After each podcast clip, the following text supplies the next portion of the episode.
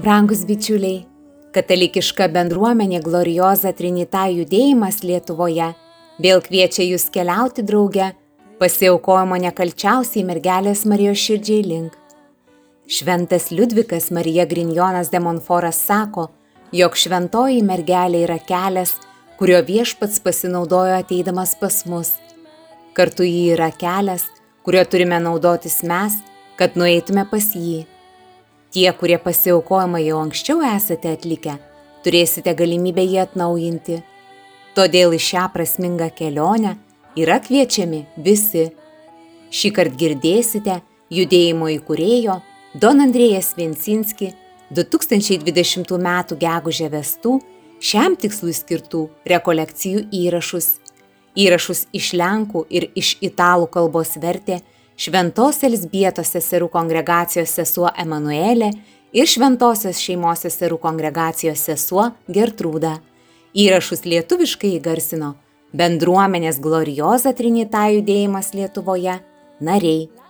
Kviečiame leistis į šią dvasinę kelionę visiems kartu ir paruošti savo širdis.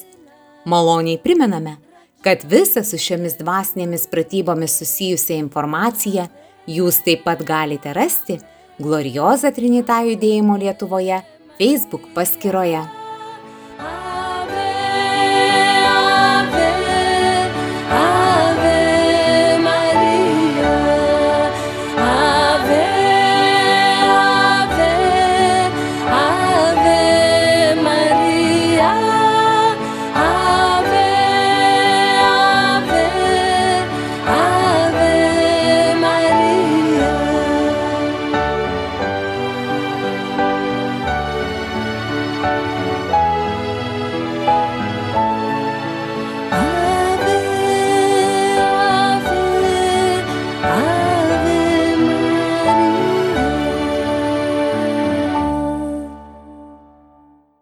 Nel nome del Padre, del Figlio dello Spirito Santo. Vardan Dievo, Tėvo ir Sūnaus ir Šventosios Dvasios Amen. Mylimieji Kristuje, sveikinu Jūs mūsų rekolekcijų kelionėje su Marija iš žvaigždės. Šiandien kalbėsime labai svarbia tema, kurią mums pateikia pats Šventas Liudvikas Marija Grinjonas de Monforas. Šios dienos tema yra jo žodžiai, jeigu jūs žinotumėte, kaip stipriai Marija jūs myli. Taip pat apmastysime sopulingąją Marijos širdį, nes ji taip pat yra skausmo motina. Norime pažvelgti į Marijos širdies ir meilės vidurį. Mylimieji, pačioje pradžioje noriu šį susitikimą pradėti citata iš Švento Liudviko Marijos Grinjono de Monforo pamaldumo švenčiausiai mergeliai Marijai. Per Mariją Jėzus atėjo pas mus, todėl per Mariją mes taip pat turime eiti pas jį. Ir pasak Švento Liudviko, jeigu bijome tiesiai eiti pas Jėzų, eikime pas Mariją, kuri gali mus nuvesti pas Jėzų.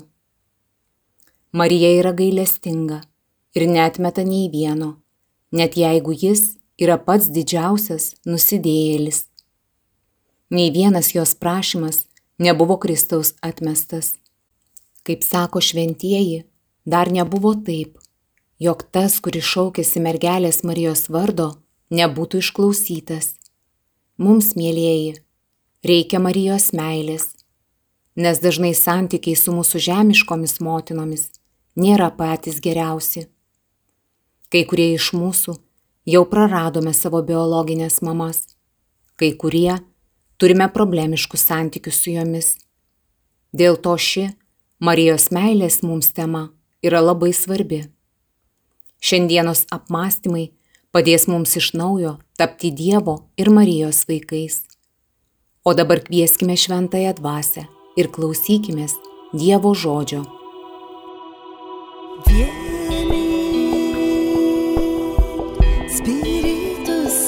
Santo vieni dentro il mio cuore vieni Spirito Santo vieni Iš Evangelijos pagal Šventąjį Luką antros skyriaus 33-35 eilutės. Simeono pranašystė. Kūdikio tėvas ir motina stebėjosi tuo, kas buvo apie jį kalbama. O Simeonas palaimino juos ir tarė motinai Marijai. Štai šis skirtas daugelio Izraelyje nupuolimui ir atsikėlimui. Jis bus prieštaravimo ženklas ir tavo pačios sielą pervers kalavijas, kad būtų atskleistos daugelio širdžių mintys.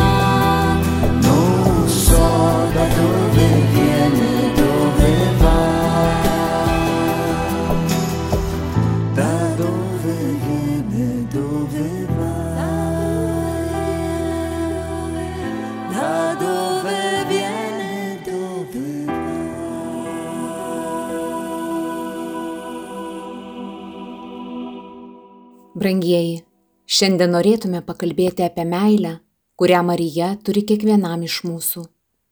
Ypač norime sustoti prie sopulingosios Marijos širdies. Pradėčiau nuo akivaizdaus dalyko, kurį puikiai žinome, bet galbūt tai padės mums suprasti, kaip stipriai Marija mus myli.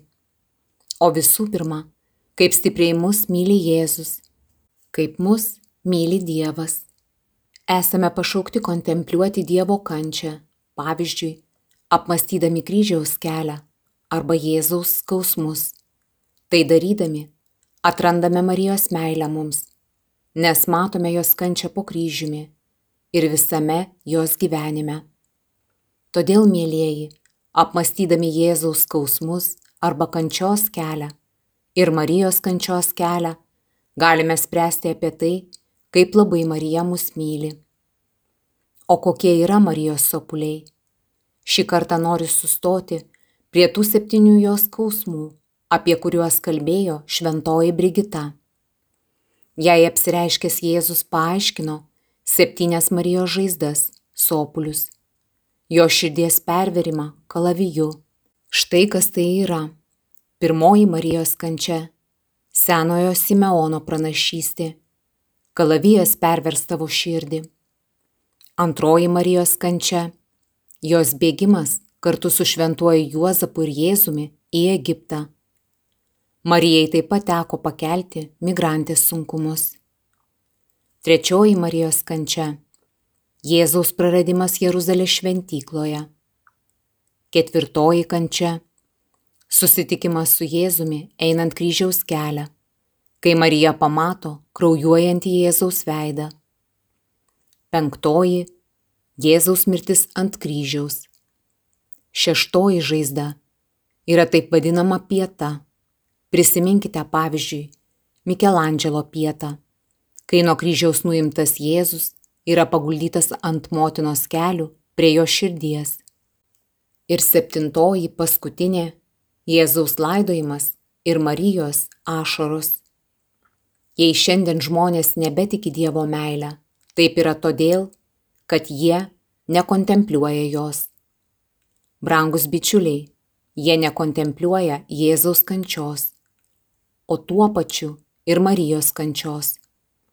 Štai kodėl daugelis šventųjų kasdien mąstė kryžiaus kelią. Pavyzdžiui, šventasis Jonas Paulius II kiekvieną dieną ant savo paštalinių rūmų stogo ėjo kryžiaus kelią tam, kad galėtų pasauliui kalbėti apie Dievo meilę. Todėl šiandien kviečiu Jūs pamastyti apie Jėzaus ir Marijos kančią. Pavyzdžiui, įmant šias septynias žaizdas pagal šventąją Brigitą.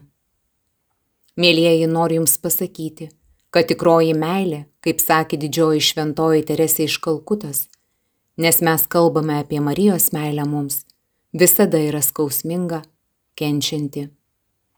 Egzistuoja simbiozė tarp džiaugsmo, nes meilė neabejotinai apima džiaugsmą, tas, kuris myli, yra džiaugsmingas, ir skausmo. Ši šventoji dar pasakė, gali iš meilės pašalinti skausmą, bet žinok, kad nuo to momento, kai atimsi iš meilės skausmą, atimsi ir džiaugsmą, nes jie yra semo dviniai, kurių negalima atskirti.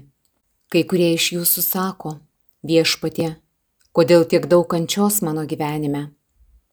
Vienai Lenkų mystikiai, Alisai Lenčiaževskai, Jėzus pasakė, žiūrėk, Alisa, kančia visada yra ta pati ir žaizdos taip pat tos pačios. O jį paklausė, kaip tai. Tai yra mano žaizdos, kurias tu kenti, mano skausmas. Todėl tu dalyvauji mano kančios paslaptyje. Dažnai galvojame, kad šis kryžius, kurį nešiojame, yra visiškai mano, kad jis neturi nieko bendro su Jėzumi. Bet jei esi malonės būsenoje ir jei esi maldos moteris ar vyras, žinok, kad Jėzus suteikia tau šią privilegiją. Privilegija kentėti kaip jis, turėti tas pačias žaizdas. Tai yra neįtikėtina. O dabar tokiu pačiu žvilgsniu pažvelkime į Mariją, kaip ji mylimus. Kad tai pamatytume, turime suprasti, kokią kainą Marija sumokėjo, kad taptų mūsų motina. Kodėl Marija yra visų žmonių motina. Kokią kainą jis sumokėjo, kad taptų mano motina. Ta kaina, mėlyjeji, yra didžiulė. Jie atidavė savo viengimi sūnų, Jėzų, kūno mirčiai, kad aš nepatirčiau amžinosios mirties. Tokia yra kaina. Dabar įsivaizduokime kokią nors mamą, kuri nori tave išgelbėti. Tarkime, ji turi sūnų, savo vienintelį sūnų. Ji be abejonės atiduotų save už tave, bet tikrai ne savo sūnų nes sunus yra vienintelis dalykas, kurio mama negali paukoti. Kiekviena mama atiduotų save sakydama, paimk mane, bet palik mano sūnų. O Marija peržengia šią ribą ir atiduoda savo viengimi sūnų Jėzų šiai aukai, kad tu galėtum atsiversti, kad būtum išlaisvintas, išgydytas, kad turėtum amžinai gyvenimą. Tai tavo motinos Marijos meilė. Esu jums minėjęs vieną pavyzdį, kai moteris iš Ruandos per konfliktą tarp dviejų tuci ir hutų genčių neteko savo vienintelio sunaus. Jį vieną te turėjo. Kaip jį nužudė, jos akivaizdoje užmovė jam traktoriaus padangą ir padegė. O mama ten stovėdama matė sunaus mirtį. Galima sakyti kaip Marija prie kryžiaus. Po keliarių metų pasibaigus karui Jie rado jo sūnaus žudiką. Ir teisme teisėjas jai tarė, ką tu dabar norėtum pasakyti. O ši mama sako, aš nenoriu, kad jis mirtų, kad būtų nuteistas mirties bausme, bet aš noriu jį įsūnyti. Vaikinas, kadangi jis dar buvo jaunas, šis žudikas apalpo iš baimės. Kai myli visa širdimi, ši meilė yra tokia galinga, kad priverčia nualpti. Ir ši motina įvaikino berniuką, rūpinosi juo. Tai kalbu norėdamas jums pasakyti, kaip labai Marija mus myli. Ji nori, kad ir mes susituoktume su tokia meile, dėl savo kasdienių dalykų, dėl savo gyvenimo. Ar žinote, kad net šventas Liudvikas Marija Grinjonas de Montforas labai kentėjo, nes jis visada pamokslavo apie Mariją, norėjo, kad plėstusi Marijos kultas. Bet dėja, prancūzų dvasininkyje, mes esame 18 amžiaus pradžioje, priešinosi šiai Liudviko beprotybei, kaip tuomet ją vadino. Todėl nei viena prancūzijos bažnyčia nenorėjo jo priimti jį tiesiog išmetė. Tada jis nuvyko į Romą pas popiežių ir popiežius jam liepė. Grįžk į Prancūziją, turi mano leidimą įeiti į bet kurią bažnyčią ir toliau pamokslauti taip, kaip pamokslauji, nes tiesa yra su tavimi. Taigi jis grįžta su popiežiaus laišku, leidžiančiu jam pamokslauti visur. Kągi jie tuomet jam padarė? Tik pamanykite, 1716 metais jį nunuodijo. Jis mirė kaip kankinys. Kankinys nunuodytas savo draugų, žmonių, kuriuos globojo. Tai kalbu norėdamas jums pasakyti, kad meilė yra džiaugsmo. Pažiūrėkite, kiek daug džiaugsmo mums teikia šios dvasinės pratybos, paremto švento Liudviko demonforo dvasingumu, bet taip pat yra ir kančios, netgi mirties. Šiandien paskutiniai laikai. Aš vartoju šį posakį nenorėdamas pasakyti, kad ateina pasaulio pabaiga, bet turiu galvoje tai, kad keičiasi laikas ir matome, kad prasideda nauja era. Ja mes turime pasitikti su Marija, su šiuo likučiu, kuris turi gimti, su šia marijoniška tauta, kuri taps, kaip sakė šventas Liudvikas Marija Grinjonas de Monforas, Marijos kariuomenė kuris su paprastumu ves pasaulį iš šio rūko. Nes pradžioje, kai prasideda nauja era, visada būna šiek tiek rūko. Mes klausime, kas vyksta, koks pasaulis mūsų laukia. Šis marijoniškas likutis pirmiausia pateks į šį rūką, kaip lėktuvas, kuris turi skristi per rūko zoną ir tada nusileisti saulėtame viduryje. Todėl per Mariją Jėzus ruošia šį likutį. Šios Marijos 007. Ką tai reiškia? Galiu paminėti kardinolą, kuris yra Dievo kulto ir sakramentų kongregacijos prefektas. Tai ne mano žodžiai, o kardinolo Saro, kuris yra vienos iš svarbiausių Vatikano kongregacijų prefektas. Paskutinėme savo interviu, kuris man iš tiesų paliko įspūdį, pasiruoškite ir jūs nes žodžiai tikrai stiprus. Jis pasakė, mūsų bažnyčios tapo tarsi karstai mirusiesiems.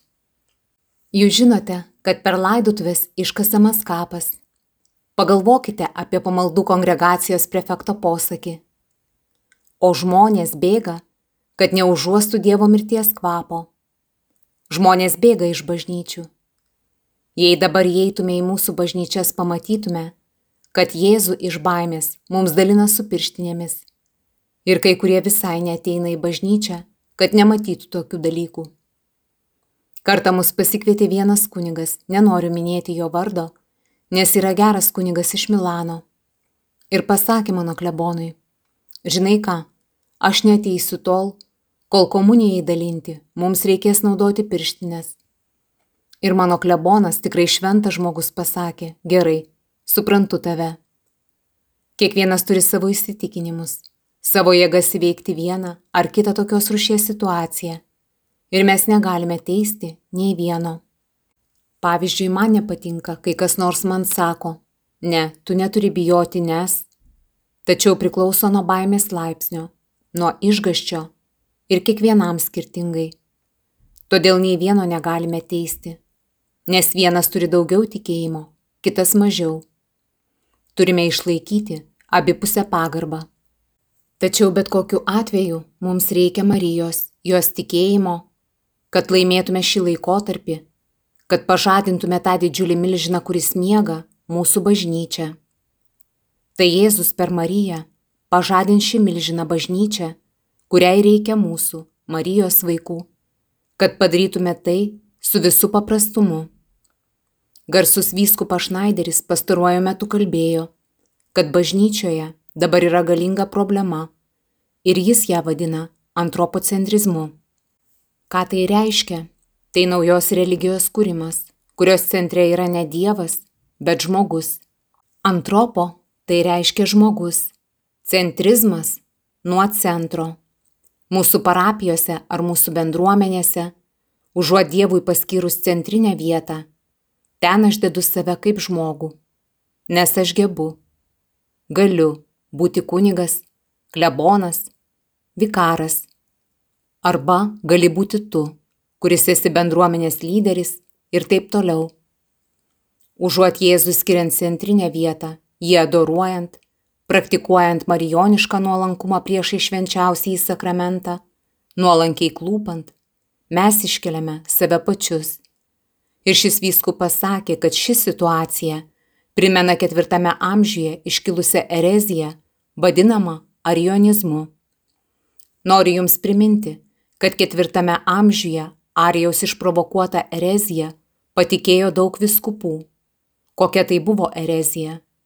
Arijus tvirtino, kad Jėzus Kristus nėra tikras Dievas, nėra tos pačios prigimties su tėvu, todėl yra mažesnis tėvo atžvilgių. Kad jis yra dieviškas kūrinys, bet ne Dievas pilnajo to žodžio prasme. Ir vyskupas Šnaideris sako, kad mes dar ir šiandien kovojame siekdami jį pripažinti esant tikrą Dievą. Šią dievišką jo prigimti.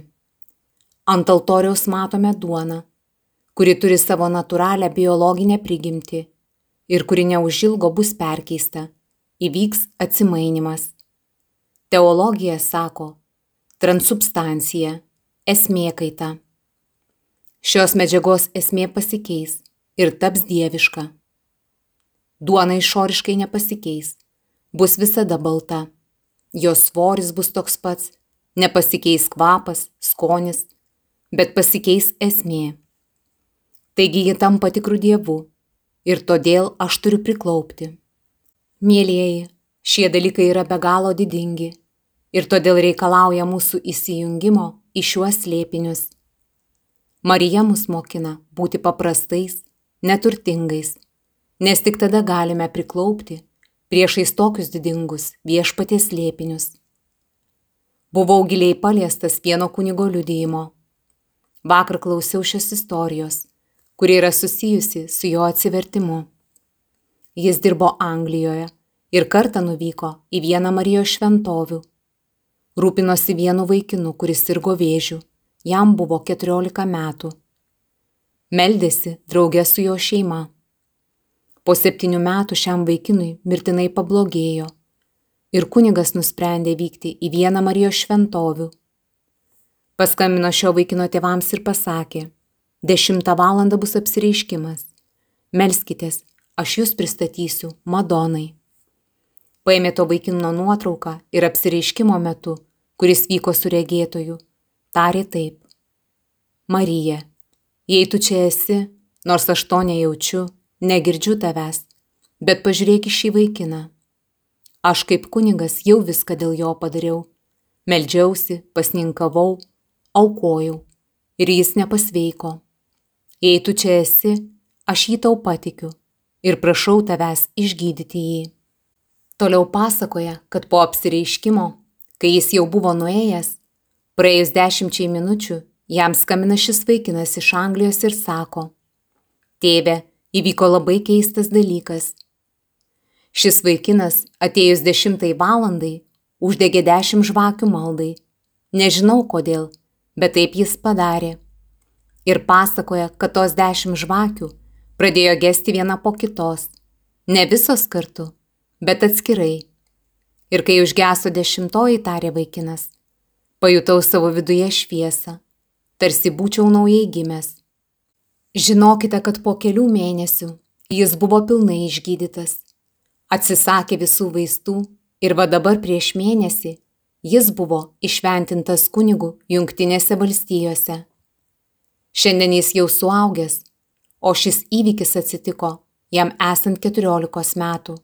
Šiandien jam 25. Nuostabi istorija. Kodėl aš jums tai pasakojau? nes reikia daug nuolankumo, kad tai pasielgtum. Tai marioniška dvasia, mėlyjeji, kuri pakeis pasaulį. Turime išmokti tokio neturto, nes mes kaip pasaulis ar žmonija po 1789 m. Prancūzijos revoliucijos išmokome daug neteisingų dalykų. Dabar turime jų neišmokti. Ir dabar pandemijos metu suaugę išgyvena įtampą ir baiminasi. Turime nedelsiant atsigriepti mokykloje, nes jie praras metus. Jie nieko nepraras. Priešingai, išmoks didesnių dalykų, kurių galbūt eidami į mokyklą niekada neišmoktų.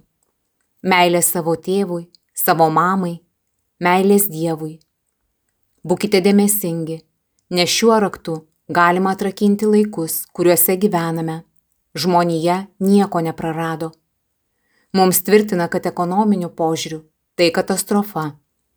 Bet tu negali išgyventi tik dėka pinigų, bet meilę. Ir žmonija dabar sugrįžta į meilę. Mėlyjeji, tai mūsų naujas pinigas, su kuriuo įžengėme į naują epochą. Naujas laikas, kurį Dievas mums dovanoja. Pasaulis nepasibaigs blogai. Jis turi gerą pabaigą, mėlyjeji, meilėje. Nes Dievas veda mus link nuostabaus sprendimo, naujo buvimo, laiko, kai pats Dievas viešpataus tarp žmonių. Pabaigoje užduodu jums namų darbą.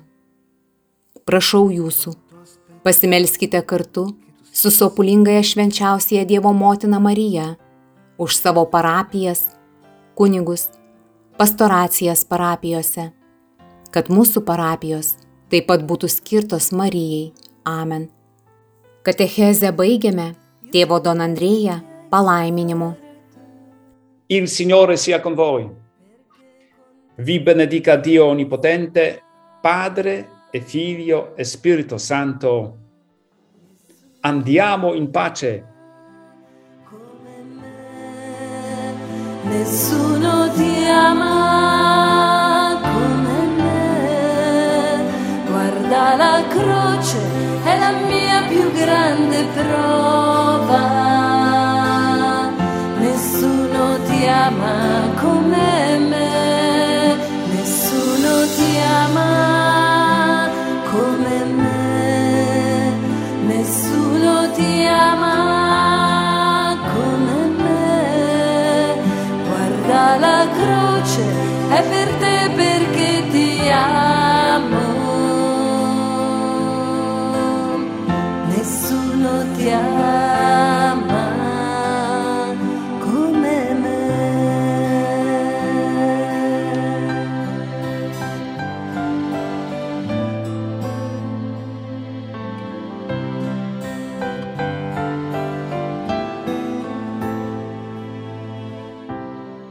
Io so ciò che tu mi dici, anche se a volte non mi parli. Io so bene ciò che senti, anche se mai tu lo racconti.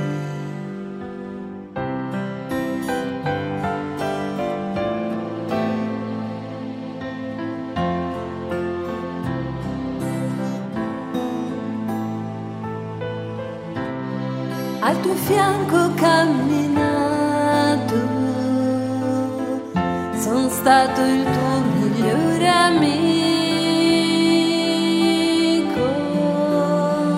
Nessuno ti ama come me, nessuno ti ama come me. Guarda la croce, è la mia più grande prova.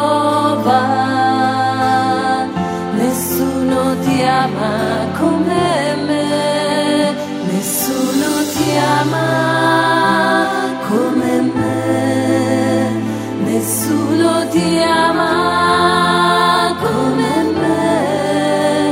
Guarda la croce, è per te